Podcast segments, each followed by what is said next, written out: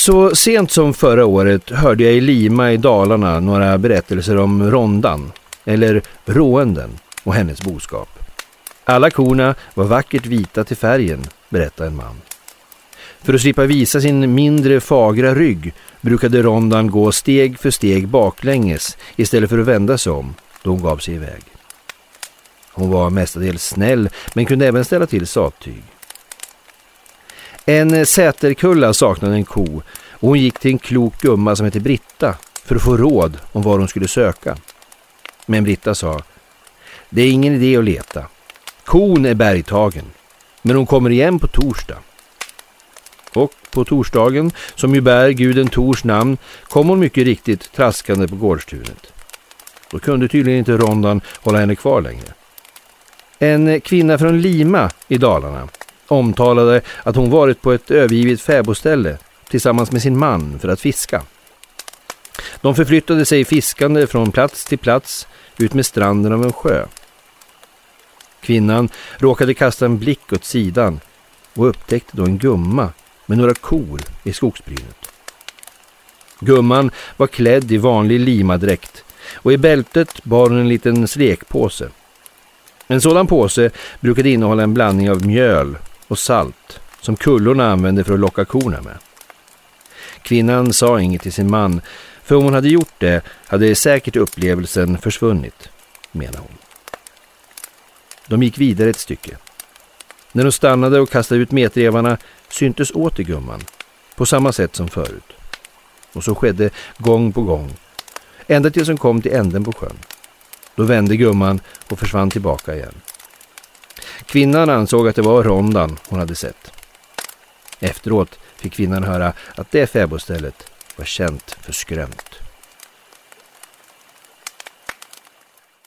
Du lyssnar på Historier från Dalarna, en podcast som görs av mig, Robert Fors, tillsammans med Fredrik Bäck. I Historier från Dalarna balanserar berättelsen mellan vidskepelse och verklighet. I historierna får vi möta farliga väsen och kallblodiga mördare, men också lära oss mer om äldre tiders folktro och skrock. Vissa avsnitt är ren och klar faktisk historia, medan andra för oss in i ett magiskt gränsland där sanningen inte alltid är vad den ser ut att vara. Du är varmt välkommen att tillsammans med oss besöka Dalarna i både vidskepelse och verklighet. I dagens avsnitt, vilket också är det första avsnittet av Historier från Dalarna, kommer vi att få lära känna ett väsen som både kan hjälpa och skälpa människor i dess vardag. Hon beskrivs som både nyckfull och kärlekstörstande, men också rådig och hjälpsam. Om man visar henne vördnad och uppskattning. I Dalarnas sägenflora figurerar hon ofta kring kolmilor och skogskojor där hon både hjälper, narrar och lockar på de hårt arbetande männen. Det händer också att hon belönar jägare för både älskog och vackra bössor. Ja, hon figurerar så mycket i sägnerna från Dalarna att folklivsforskare Ebbe Schön en gång valde att göra henne till Dalarnas landskapsväsen. Vi talar naturligtvis om skogsrået. Den berättelse ni hörde i början av avsnittet är hämtad ur Ebbe Sjöns bok Svenska folksägner ifrån 2008. Vi fortsätter med att göra ett kort besök i skogarna kring Orsa. En sommar under en tid då eh, myrängarna skulle slås så var det en kar som bodde i en kölbod och skulle slå själv. Och en morgon så vaknade han och fick se en främmande kärring som satt utanför boden och inte sa någonting alls. Karn han skulle till äta frukost och då hade han en diger bulle som han skar en skiva av och räckte bort åt den där kärringen för att få henne att låta någonting. Då svarade kärringen att hon åt inte knivskuret bröd för hon var rädd för stålet som var i kniven. Då tog karn tillbaka skivan och bröt av bullen en bra bit istället och gav henne. Det var hon vådligt tacksam för, så hon hade språkats vid med karln ett tag och skulle till att gå från honom så sa hon till honom att imorgon ska du få största grisen som jag äger. Dagen efter då karn vaknade tidigt om morgonen så fick han höra något konstigt läte. Det var bakom boden. Då gick han upp och tog bössan och gick dit. Då låg det en björn och snarkade bakom boden och honom fick karn skjuta innan björnen vaknade. Och så fick karn rätt för bullbiten som han hade givit den där främmande kärringen. Varje berg, sjö, hav, gård och skog har ett rå. En rådare som styr över områdets tillgångar och dess invånare, människor som djur. I gammal folktro anses även föremål, djur och växter ha ett eget rå, en ande som vakar över dem och som det gäller att hålla sig väl med. Ja, i vissa fall har även specifika byggnader ett eget rå. Exempelvis en kvarn. Där huserar kvarnrå, eller kvarngubben som är den mer allmänna benämningen på denna byggnads beskyddare. Kvarngubbens uppgift är att se till att den som maler sin säd i kvarnen gör det med måtta och tillförsikt.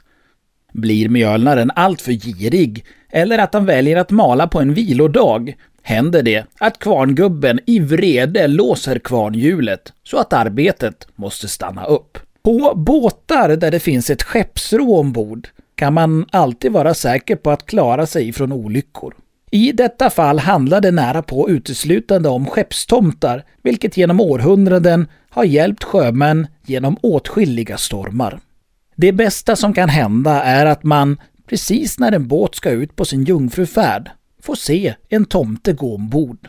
Då vet man att skeppet har fått en egen rådare och därmed är båten skyddad mot stormar och andra former av faror som man kan möta ute på havet.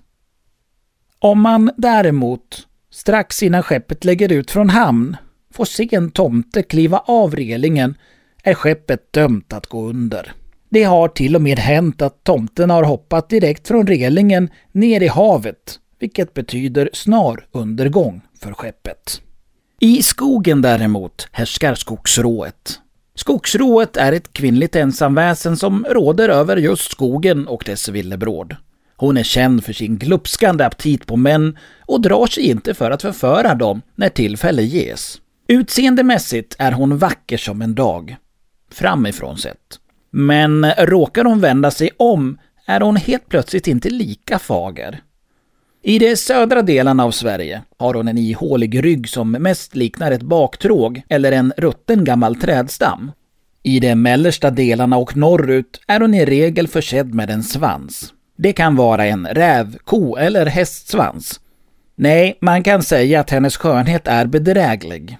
Enligt uppgifter långt tillbaka i tiden är hon stundtals också hiskeligt ful som stryk och utrustad med en lång näsa. För inte så värst länge sedan var en våmmuskar här. Han bodde i en ängsbod, en sån där som man bodde i under skogsslotten. En dag när han var ute i skogen fick han se en kvinna som kom ridande på en häst. Hästen hade skor av silver under hovarna, så fina att det blänkte om dem. När kvinnan fått syn på mannen frågade hon honom om han ville följa henne en timme, så skulle hon visa honom vart det fanns silver. Och detta skulle finnas i närheten av en tall som lutade mot klockan två. Där fanns det silver som hade formen av istappar. Men mannen tordes inte följa med. Han hade sagt, vem vet hur långa timmar du har? Det kan vara hela min livstid det. Då hade kvinnan vänt hästen tvärt och när hon for iväg hade hon sagt, var och en lever på sin tro. Sen såg han henne inte mer. Det var skogsråde. Men mannen lär ha ångrat att han inte följde med henne. Då hade han kanske kunnat få se var silvergruvan fanns. Men hade han följt kvinnan så hade han kunnat komma av sina vägar, slutar den gamle. Jag kommer ihåg att det här hände i Dyverberg, tillägger han. Bland de äldre är meningen allmän att i nämnda berg ska finnas både guld och silver. Man har även upptäckt förekomsten av lågprocentig järnmalm där. I vissa delar av Sydsverige lever det enligt folktron också ett manligt skogsrå, vilket går under benämningarna Skogsmannen, Bajom, Hulte, Jonte och Skogsrådaren. Denna varelse dyker även upp vid ett fåtal tillfällen i mellersta Sverige, dock mer som vad det i alla fall verkar, skogsråets sambo eller partner.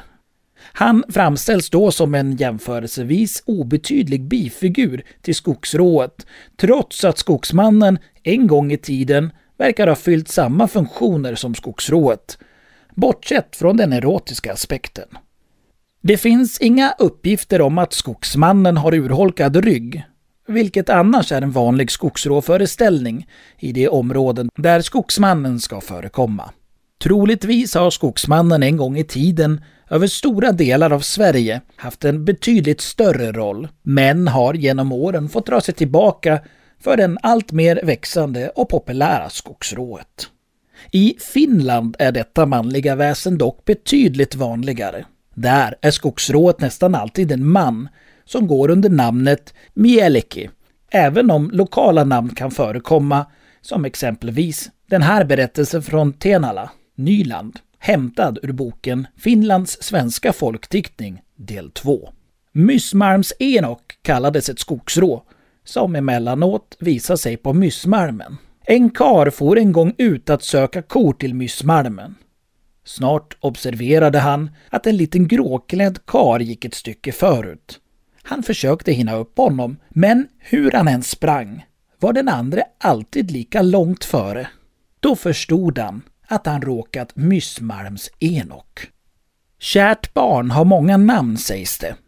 I Bergslagen kallas skogsrået för Rohanna eller Rondan. I övre Dalarna Bästan eller Guanna. I Norrbotten Bergkärringen eller Landan. I Värmland Tallkottekari eller Tullemaja. I östra Småland Skogstippan. I södra Sverige Skogsnuvan. Och i Uppland Skogsfrun. Namnet Huldra är lånat från vårt grannland Norge och har använts mer inom populärkulturen under senare år. Men mest känd är hon under benämningen skogsrået. Skogsrået är ett av våra mest populära och älskade, men också fruktade väsen inom den svenska folktron. Och någon brist på material om henne, såsom om hennes manliga motsvarighet, råder det inte. Långt ifrån. Vilket ju är bra, då det ger oss en stor anledning att i framtida avsnitt återkomma till henne. Det som genom åren ofta stött på denna älskogstörstande varelse är yrkesgrupper som kolare, skogshuggare och kärbrännare, men också fiskare och jägare. Det gemensamma är att de flesta är män och att de tillbringat en längre tid mer eller mindre ensamma i skogen. Åtskilliga gånger har det hänt att en kolare vaknat upp på britsen i kojan och i glöden från den falnande elden sett en vacker kvinna komma in genom dörren med skjorten upprullad under armhålorna.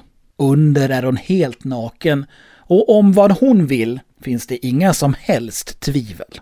Skogsrået är som många andra väsen hamnskiftare och kan förvandla sig till både djur och människa. Ibland är hon en fågel, en älg eller ett rådjur och ibland transformerar hon sig till någons fästmö eller fru.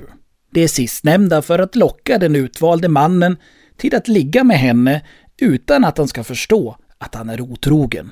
Det händer att hon söker upp honom på dennes arbetsplats och till en början verkar hon vara detsamma som hans flickvän. Men när han lägger handen på hennes rygg förstår han att han blivit lurad. Då skrattar hon till och försvinner in i skogen. Det är dock inte alltid Rondan är ute efter älgskog. Ibland händer det att hon ändå fattar tycke för en kolare och varnar honom för att något håller på att gå galet med milorna. Ja, det gäller att hålla sig väl med henne. För med lite tur blir man rikligt belönad. Så här berättas det i Gagnef. En kar låg en gång i en kolkoja ut med en väg. Han var sysselsatt med kolning. Då kom Ronda in till honom och sa till honom att han kunde få gå hem under några dagar, så skulle hon se efter Milan under tiden. Karn gjorde så. När han efter en tid kom tillbaka fann han att Ronda fött ett barn där i kojan. Det var tydligen därför som Ronda ville ha husrum under någon tid. Karn fick sedan betalt av Ronda för härberget. I Husby utanför Hedemora ska följande ha inträffat. Det var en kolare i Husby som satt inne i kojan på natten och lagade mat. Då kom det ett fruntimmer och ryckte upp dörren. Hon hade en alldeles naken barnunge på armen. Får jag någonting att linda omkring ungen, sa hon till han. Och han knäppte upp västen och rev av halva skjortan och gav till henne. Här har du. Jag har inte någonting annat att ge dig, sa han. Det här ska du ha tack för, sa hon. Jag ska ge dig den största oxen jag har. Och så gick hon. Men nästa morgon när han gick ut till Milan kom det en stor björn emot honom. Alldeles så han fick skjuta han. Det var nog bergråets oxe, tänkte han. Det är dock inte alltid skogsrået uppskattar en kolares arbete och slit. I Älvdalen berättas följande historia. En eh, ensam kolare bodde i sin koja. Han hade vaktat flera milor. Röken från milorna svepte runt i skogen omkring kojan. En kväll när han står och rakar ur en mila kommer en ensam kvinna till honom. Hon sa att hon gått vilse och undrade om han ville hjälpa henne att finna stigen mot byn. Han var lite betänksam. Han hade två milor som kunde slå när som helst. Men kvinnan bevekade honom och sa, jag måste hem till mina barn som är ensamma. Så följde han henne en bit genom skogen och plötsligt var stigen helt borta. Så han vände sig om och det var också kvinnan borta. När han äntligen kom tillbaka mot kojan och milorna får han se att båda stod i brand. Då förstod han att det var skogsrå som hade lurat honom bort från milorna. Skogsrå tyckte inte om den fräna kolröken, hade de gamla sagt. En jägare kan ha stora fördelar med att dela sänghall med skogsrået. Det leder ofta till att jägaren alltid skjuter så mycket han behöver och mer därtill. Om man däremot inte ställer upp på hennes kärleksaffär, eller att hon av någon annan anledning inte gillar en person, gör hon allt hon kan för att göra livet surt för denne.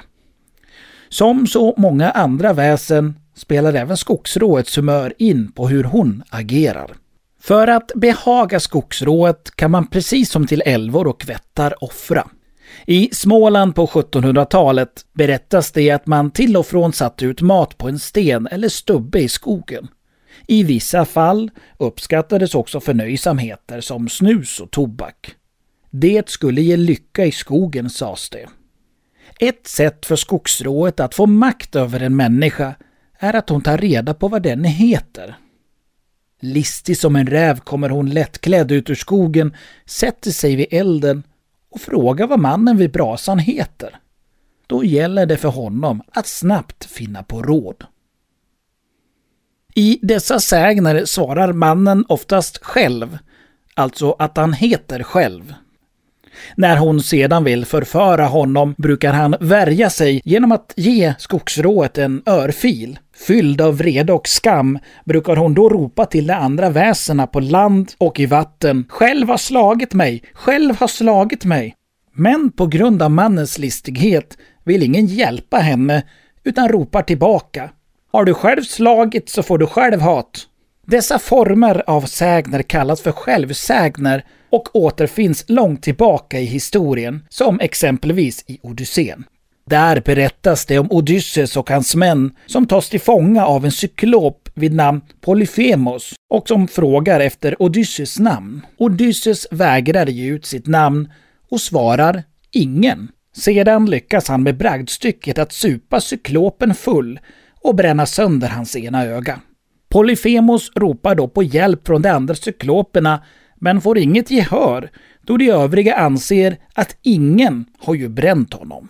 För övrigt i dessa former av sägner händer det ibland att lyssnaren får en hint om att skogsrået ibland också har en man. I alla fall att det finns en jämbördig manlig motsvarighet där ute bland skog och mark.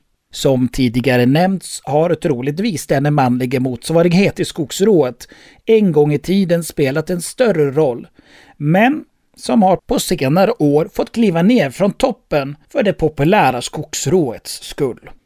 När väl skogsrået lyckats få en man på fall genom sexuellt umgänge eller fått veta dennes namn så finns det ingen återvändo. Han är fast. Ibland har det hänt att skogsrået lyckats förföra en man så väl att de tillsammans fått en hel familj. Om mannen skogsfrun slagit krona kring också är gift blir det ett elände för hustrun. Då gäller det att handla klokt och gå till källan för att råda bot. I många fall har äktenskap räddats genom att hustrun lurat självaste rondan genom att be henne om hjälp hur hustrun ska råda bot på tjuren som vägrar stanna hemma hos de egna korna och som istället sprungit till grannens. Dessa sägner kallas för Tibast-sägner. Den variant vi ska få höra nu, den är hämtad ifrån skogarna runt Ludvika. De var i skogen i en kårkoja och då kom det ett kvinnfolk in och stod och värmde sig. Då frågade de om hon var hungrig och ville ha äta. Och då sa hon, om jag får från säskuren ost och knäbrutet bröd. Då kunde hon äta, men inte annars. Så kom hon jämt alla kvällar, så gubben började tänka att det var ett troll eller råhand och han vart rädd just som för henne. Så han frågade henne hur han skulle bära sig åt när trolloxen ville rida på Krittrahanses. Då svarade hon, ge korna tibasbär och vändelrot. Och gubben han tog själv. Då slapp hon inte in till honom något mer utan sprang kring kårkojan om kvällarna och ropa Tibasbär och vändilrot, fy var det mig som lärde bot. Som tidigare nämnts rår skogsrået över skogens alla djur. För att hålla koll på vad som händer och sker i hennes skog händer det att hon skickar ut en speciell fågel, lavskrikan. Lavskrikan heter på latin Perisoreus infaustus, vilket betyder olycksbringande pratmakare. Så det är kanske inte så konstigt att många människor genom åren har trott att fågeln bringar otur. Lavskrikan är dessutom jämfört med andra fåglar synnerligen orädd för människor och vistas gärna nära lägerplatser för att komma över mat. Om en jägare får syn på en lavskrika ute i skogen är det lika bra att gå hem igen. Det betyder att skogsrået har sänt ut fågeln för att hålla koll på jägaren åt henne. Om en jägare skjuter en lavskrika kan denne räkna med att behöva införskaffa en ny bössa. Geväret är nämligen för alltid obrukbart och kommer aldrig mer att döda något vilt. Det har hänt att människor ibland blandat ihop lavskrikans läte med skogsråets skratt. Apropå skratt är det just skogsråets höga klingande skratt som utmärker henne. Det hörs miltals genom skog och mark. Skogsrået sjunger också mycket vackert. Precis som vittra och troll har hon en egen boskap som hon kallar och lullar på i skogen. Korna har ofta vackra poetiska namn som Sommardöva, Skoga och Långspena. Det är dock inte alltid så lätt att veta exakt vilket väsen det rör sig om när man ser henne. För det händer i stort sett aldrig att ett oknytt påpekar vilken väsengren det tillhör. Två vallpojkar från Älvdalen stötte en gång ihop med något som de själva trodde var skogsrået. Två pojkar från Loka var en sommar i Lokavallens fäbodar och var vallpojkar. Båda var i 14-årsåldern. En dag var de ute nordost om vallen med koflocken. De hade stannat till i utkanten av en liten myr där det var frodig gräsväxt. Korna betade och det var lugnt och stilla men plötsligt fick pojkarna se en stor kohop komma ut ur skogen på andra sidan myren. Med dem gick en ljusklädd kvinna som var lång och smal och hade ett vitt huckle över huvudet. Det här var så långt framdraget över ansiktet att pojkarna inte kunde se hur hon såg ut. Kvinnan och korna gick rakt över myren och de försvann in i skogen på andra sidan. Myren var liten och pojkarna hade god utsikt över det hela. Alla korna var vita blanka och med stora präktiga juver. Varken pojkarnas kor eller den främmande hopen hade låtsats om varandras existens. Kvinnan hade heller inte tittat åt deras håll en enda gång. Pojkarna tyckte att det hela var lite märkvärdigt då de visste att det inte fanns varken folk eller fä i närheten. Men senare förstod de att det var Guanfläd som de hade sett. I boken Gammal folktro från Gagnef i Dalarna kan följande läsas. Ronda sjunger utomordentligt vackert. Och med denna sin sång lockar hon kor till sig. Hon sjunger alltid samma melodi.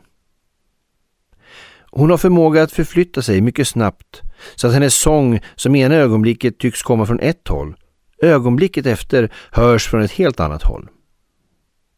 Blom-Anna och en fäbodkulla till gingo en gång och letade efter sina kor. De befann sig nere i en dal och på ömse sidor höjde sig höga berg. Rätt som det var fick de höra Ronda sjunga på det ena berget. Blom-Anna ropade då ”Kom hit!” men erhöll till svar ”Kom hit du!” Strax efter hörde de Ronda sjunga på berget mitt emot det förra berget. Flickorna blev då rädda och sprang hem. Ganska ofta träffar man på folk som har hört eller sett Ronda ute på vandring med sina kreatur. Hon eh, buffrar från den ena stället till det andra. Genom Nordbecks buan buffrar hon ofta. Rondas kor är ståtliga och kraftiga. Vad färgen beträffar säger somliga att de är röda, andra svarta och andra återigen påstår att de liknar vanliga kor. Åsikterna är också delade när det gäller att besvara frågan har Rondas boskap skällor eller inte? En del säger att den har, under det andra förnekar detta. En ung man, Olle, hörde en gång mitt i smällkalla vintern en massa skällor och en kvinnoröst som lockade på korna uppe i Ansjöberget. En flicka gick en vinterkväll vid tiotiden från en granngård till sitt hem. På vägen mötte hon ett helt bufärsfä, det vill säga en hop folk och kreatur som färdades till eller från fäbodarna. Buffra. En kvinna gick i spetsen.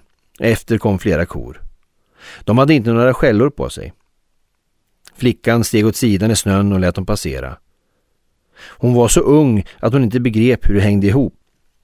Men när hon kom hem talade hennes mor om för henne att det var Ronda som var ute och buffrade. På vissa platser har dess skogsrå en uppfattning om att allt måste vara lika långt. Om hon ser en lång och en kort man komma gående bredvid varandra händer det att de rusar ut ur skogen för att dra ut den korta så långt det går och sedan hugga av det som behövs på den långa så att de båda får lika längd. Även denna form av sägen återfinns i antikens källor, bland annat i en gammal grekisk myt där en jättestor kämpe, Prokrustes, lägger ner människor i en säng och antingen hugger av dem deras överstigande längd eller tänjer ut dem om det inte exakt passar i sängen. En sådan sägen hittar vi i Värmland, närmare bestämt Långserud. Den går så här. Skogsrået kom till två skyttar som hade gått för att skjuta tjäder. De kom för tidigt till platsen så de måste lägga sig och vila en stund. Som de låg där kom där ett kvinnfolk till dem och började att mästra. Nu var det så att det var olika långa till växten. Detta tyckte hon var underligt, så hon tog den lille i bena och drog och skulle få dem lika långa som den andres. Det gick inte riktigt som hon hade tänkt. Och när det inte gick så tog hon tag i huvudet och drog det jämnt med den andres. Men ändå kom det till att fela en liten bit på längden vid bena, så det var lika illa hur hon än bar sig åt. Då sa hon Jag ska gå hem efter min hackekracka och hacka er jämne. Så fort hon var borta var det pojkarna som tog till bena hemåt. Sen vågade de aldrig mer gå åt skogen med bössan. Många gånger när en människa gått vilse i skogen har skogsrået anklagats för att spela den ett spratt. Att göra så att personen inte känner igen sig och förvillar sig allt längre och längre in i skogen. Ett bra sätt för att komma tillbaka hem igen är att vända sin tröja eller jacka ut och in, eller sätta sig på en sten och be en bön. Då bryts rådarens makt över den vilsne som snart hittar tillbaka till den rätta stigen igen. Ett gott råd till dig som stöter på ett väsen är att vara artig. Det lönar sig i längden. Det lönar sig i längden, vilket vi hör här i en berättelse från Lima, Dalarna.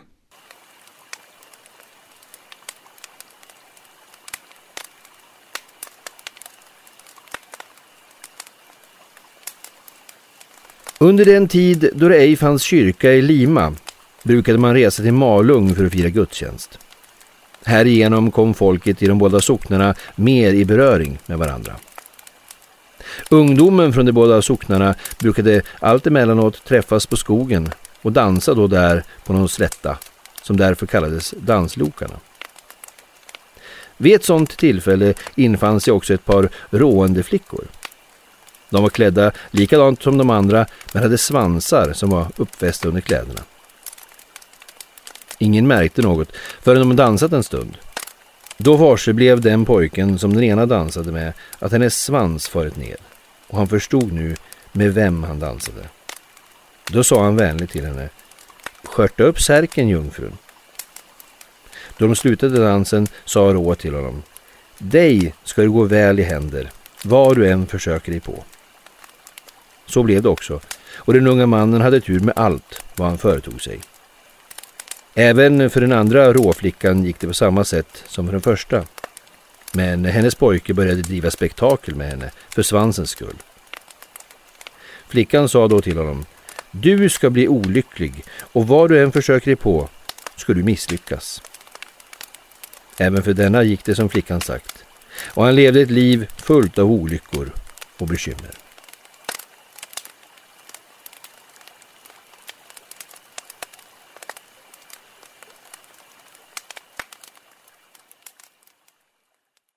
Om någon idag säger till dig att han har haft samlag med självaste rondan kanske du höjer på ögonbrynen en aning.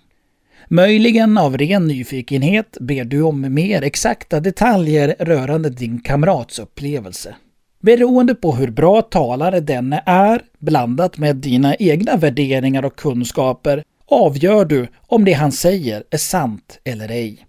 Det värsta som kan hända är att du anser att personen är dum i huvudet och till följd av ditt ställningstagande avbryta er vänskap. Varken du eller din bekante behöver räkna med några större rättsliga processer så länge det inte rör sig om att personen blandat ihop rået med en mänsklig varelse och att det därmed handlar om att någon tvingat någon annan till sexuellt umgänge eller liknande. Däremot, om ni hade levt på 16 eller 1700-talen så hade ni ganska snart kunnat räkna med att ärendet kan behöva prövas i rätten. Under dessa två århundraden finns det ett större antal rättsfall där män anklagas för tidelag, det vill säga samlag med skogsrået. Ett exempel är det extraordinära ting som hölls i augusti 1701 i Östra Härads tingsrätt i Lyckeby i Blekinge. Ärendet gällde den 38-årige före detta volontären och båtsmannen av amiralitet i Karlskrona, Måns Persson Malm, som ska ha haft samlag med ett skogsrå. Tilläggas bör att han dessförinnan straffats för tjuveri och rymt från sin båtmansplats. Fyra år innan tinget hade Måns rymt från sin tjänst och stuckit till skogs. Där inne i skogen hade han stött på ett synnerligen grant fruntimmer. Hon var klädd i fina kläder, vilket var vita ovantill och satt på ett sådant sätt att han kunde se hennes blotta bröst. Nedtill var hennes klädedräkt svart och håret var långt och utslaget. Händerna såg precis ut som på en människa. Hur fötterna såg ut minns dock inte Måns. Det hade talats vid och hon hade skämtat med honom. Han frågade vad hon hette och hon svarade jungfru Bomamma. Rätten frågade om de vid detta första möte haft samlag samt om det stämt träff längre fram. Måns svarade nekande på båda frågorna. Däremot, ett år senare, hade de åter stött på varandra vid Svensgöl och hade då idkat umgänge. Sammanlagt hade ett sådant möte skett fem gånger och samlagen hade alltid skett efter solnedgång och innan dess uppgång. Rätten frågade nyfiket hur det var att ligga med skogsrået. Och Måns berättade att det kändes som att ligga med en vanlig kvinna. Rået hade före och efter samlaget varit osynligt, men han hade känt hennes närvaro hela tiden. Tingsrätten ville veta mer och frågade den anklagade om han kunde förnimma någon värme och vätska när de haft sin sammangång. På det kunde Måns inte tillföra några närmare upplysningar. Däremot hade hon varit hos honom dag och natt och tiden hade för Måns flutit ihop. När hon begett sig från Svensgöl hade han gått hem, men varje gång han varit utan henne hade han mått dåligt i kroppen. Vid ett tillfälle hade skogsrået också gett honom mat i form av ägg och sparvar, vilket han ätit upp, men ändå inte blivit mätt. Efter övervägande dömdes Måns till döden för krimine sodomia, det vill säga sodomibrott i form av tidelag. Anledningen ansågs att det var Satan som hade vilselett Måns till denna grova synd och missgärning. Fallet vidarebefordrades till Göta hovrätt. Fallet vidarebefordrades till Göta hovrätt, vilket inte kunde ta upp ärendet förrän i februari 1705. I det sammanfattande protokollet finns det ett par intressanta uppgifter som inte nämns i originalet. Då Måns, efter att på midsommarnatten 1701 gripts, skulle föras till Karlskrona hade bomamma visat sig för honom i form av en skugga utanför fångvagnen när det färdats över en bro. Måns hade skrikit högt, men ingen annan hade sett skuggan. Den andra nyheten är att Måns hustru aldrig vetat om sin mans förehavanden med skogsrået. Däremot intygar hon att han ofta varit borta under längre perioder samt inte brytt sig nämnvärt om att försörja hushållet. Strax efter att tingsrätten avslutat sitt förhör rymde Måns och blev inte infångad förrän 1704. Därav fördröjningen till 1705 med hovrättens förhör. Det som nu framgår i tilläggen är att Måns anses ha en huvudsvaghet och förvirrande sinnen, men att han trots allt är en bra kar. Under sin tillfälliga flykt har han överlevt på tiggeri och folks barmhärtighet. Hovrätten frågade Måns om han minns vad han berättat tidigare om bomamma, men det säger han sig inte göra. Efter att man läst upp hans erkännanden för honom tillägger han att han kanske sagt så, men att han sedermera varit så yr i huvudet. I hans tycke verkar det mest bara vara en dröm.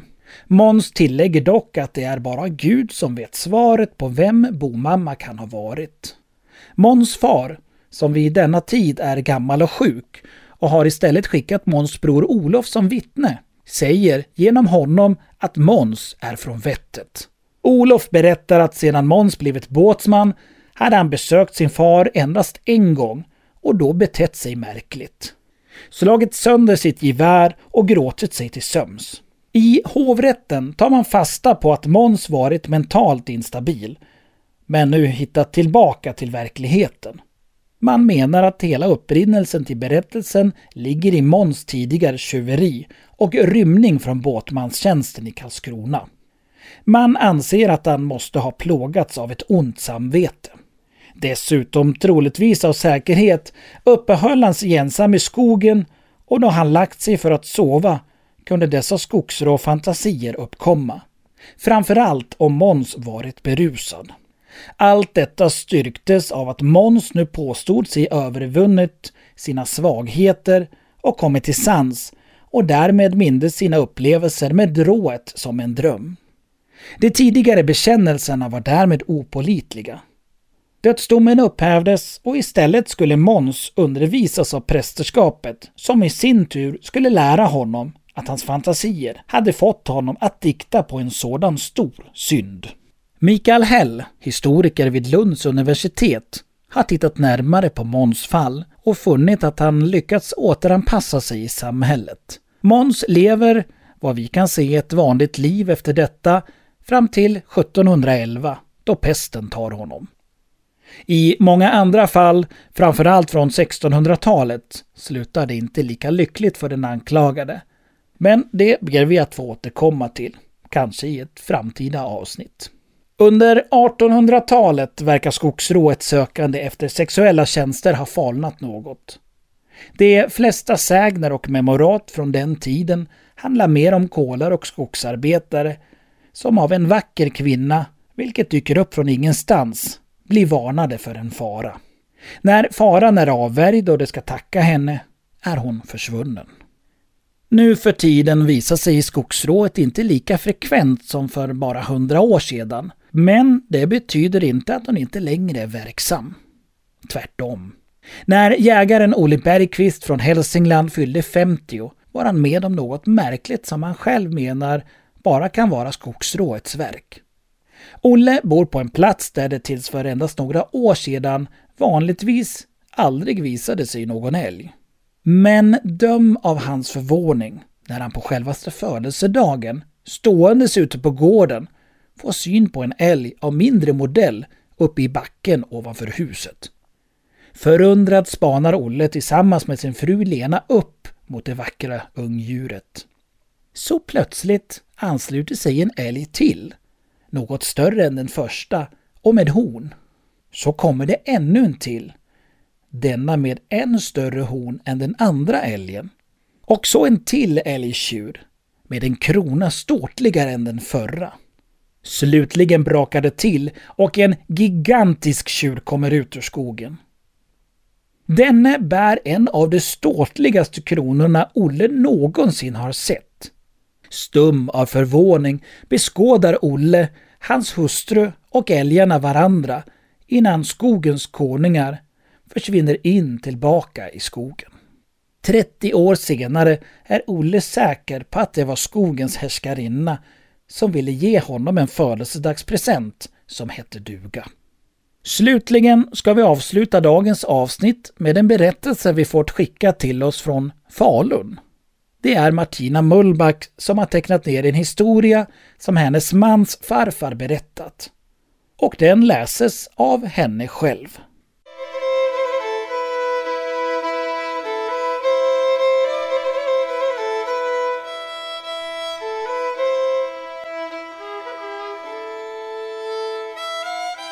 Denna historia är nedtecknad av mig, men berättad av min mans farfar i maj 2020. Han är född och har levt hela sitt liv i Dalarna och det här är hans upplevelse och minnen från ett mycket märkligt möte en mörk höstkväll. Jag är född på en liten gård i porten till Västerdalarna, Gagnef. Och även om jag inte bott på exakt samma ställe i hela mitt liv så har jag alltid hållit mig inom kommunens gränser. För att citera Ottilia Adelborg, att bo i Gagnef om sommaren är som att bo på en grön äng strax utanför himmelrikets portar.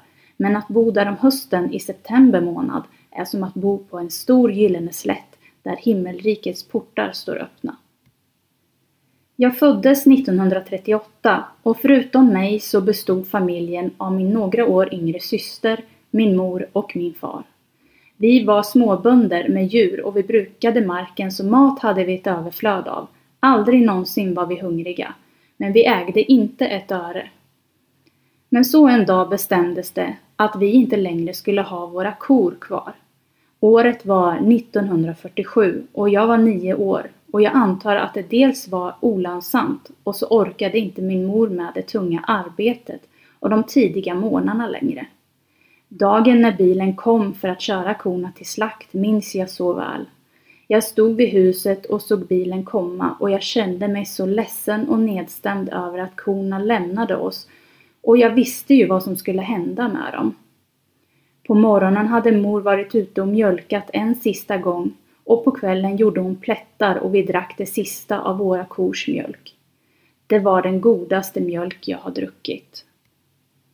När vi nu inte hade några egna kor längre så fick vi redan nästa dag börja gå till granngården för att köpa mjölk. Och den första dagen föll den lotten på mig och mor sa åt mig att ge mig iväg. Det var höst och mörkret kom tidigt. Och mörkrädd som jag var så la jag snabbt ner en liten ficklampa i fickan. Det fanns inte särskilt stora ficklampor på den tiden och inte lös de särskilt starkt heller men det var ju det enda vi hade, så den fick duga.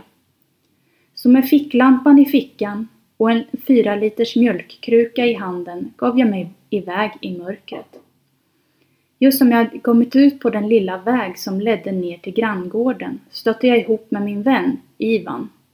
Han bodde i en annan granngård och var två år yngre än mig och var liksom jag ivägskickad i samma ärende.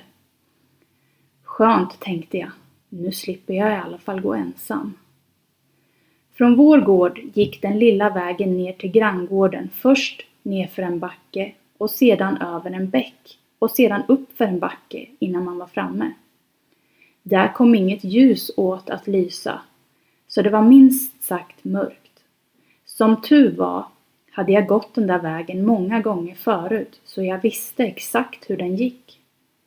Jag tror att Ivan var lika mörkrädd som jag. Men det var ju såklart inget som vi erkände för varandra. När vi så började gå ner för backen i riktning mot bäcken och när vi hade kommit halvvägs ner tvärstannade både Ivan och jag och det vi skulle få se minns jag som om det vore igår. I slänten i backen, ungefär 15 meter från vägen, fanns ett stort hål som man hade grävt ut för förvaring av rovor och ibland potatis. Hålet hade en dörr och fungerade som vilken annan jordkällare som helst. I mörkret kunde vi se att dörren stod halvt öppen, något som den inte brukade göra, så vi tyckte att det verkade lite konstigt. Just som vi hade sagt det flög dörren upp och ut kom någonting farande i en rasande fart. Den var stor och lång, närmare två meter och helt täckt i någonting vitt och fladdrande, som ett väldigt tunt fint lak lakan. Både jag och Ivan stod som förstenade men strax därefter hörde jag Ivan snyfta. Då kom jag ihåg min lilla ficklampa och jag tog snabbt upp den och lyste rakt mot varelsen. Den måste ha blivit rädd och precis lika överraskad av mötet med oss som vi blev med den. För som med svävande språng for den iväg ner mot bäcken. Då såg jag det. Hålet i ryggen. Jag hade hört många berättelser om henne förut. Att hon kastade in barn i hålet i ryggen och som efter det för alltid var försvunna. Ivan grät högljutt av rädsla och jag kände att mina ben skakade fast jag var samtidigt helt stel. Nere vid bäcken stod en lada på högra sidan om vägen och precis vid knuten vek varelsen av och så var den borta. Vi stod kvar en stund och jag försökte lugna Ivan fast jag själv var all, allt annat än lugn. Allt hade gått så fort, på bara 10-15 sekunder, men ändå hade så mycket hunnit hända. Till slut kunde vi fortsätta, vi hade ju inget annat val. Att komma hem utan mjölk var otänkbart. Vi tog oss över bäcken och upp för backen och hela tiden lös jag med ficklampan omkring oss, livrädda att varelsen skulle dyka upp men allt var lugnt igen. Grannen måste ha undrat vad det var med oss, men sa ingenting och vi fick vår mjölk och återvände hem. Väl hemma igen berättade jag för min morfar som bodde hos oss och som var väldigt snäll vad jag hade upplevt. Jag märkte att han lyssnade och såg antagligen på mig att det här var ingenting jag hade hittat på eller ljugit ihop på min korta promenad till granngården och tillbaka. När jag hade berättat klart såg han på mig med en förstående min, som jag aldrig har sett hos min morfar förut, och sa utan att tveka. Det var Randa ni såg.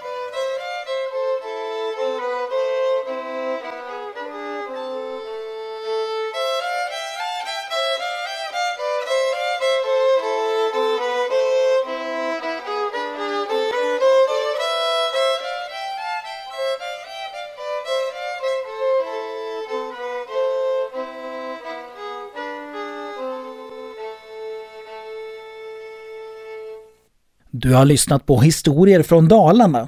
Det material vi har jobbat med under detta avsnitt är hämtat ur följande skrifter och arkiv.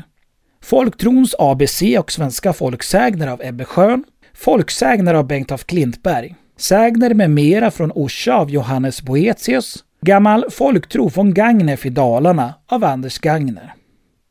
Älvdalska sägner, sagor och berättelser av Ragnar Forslund.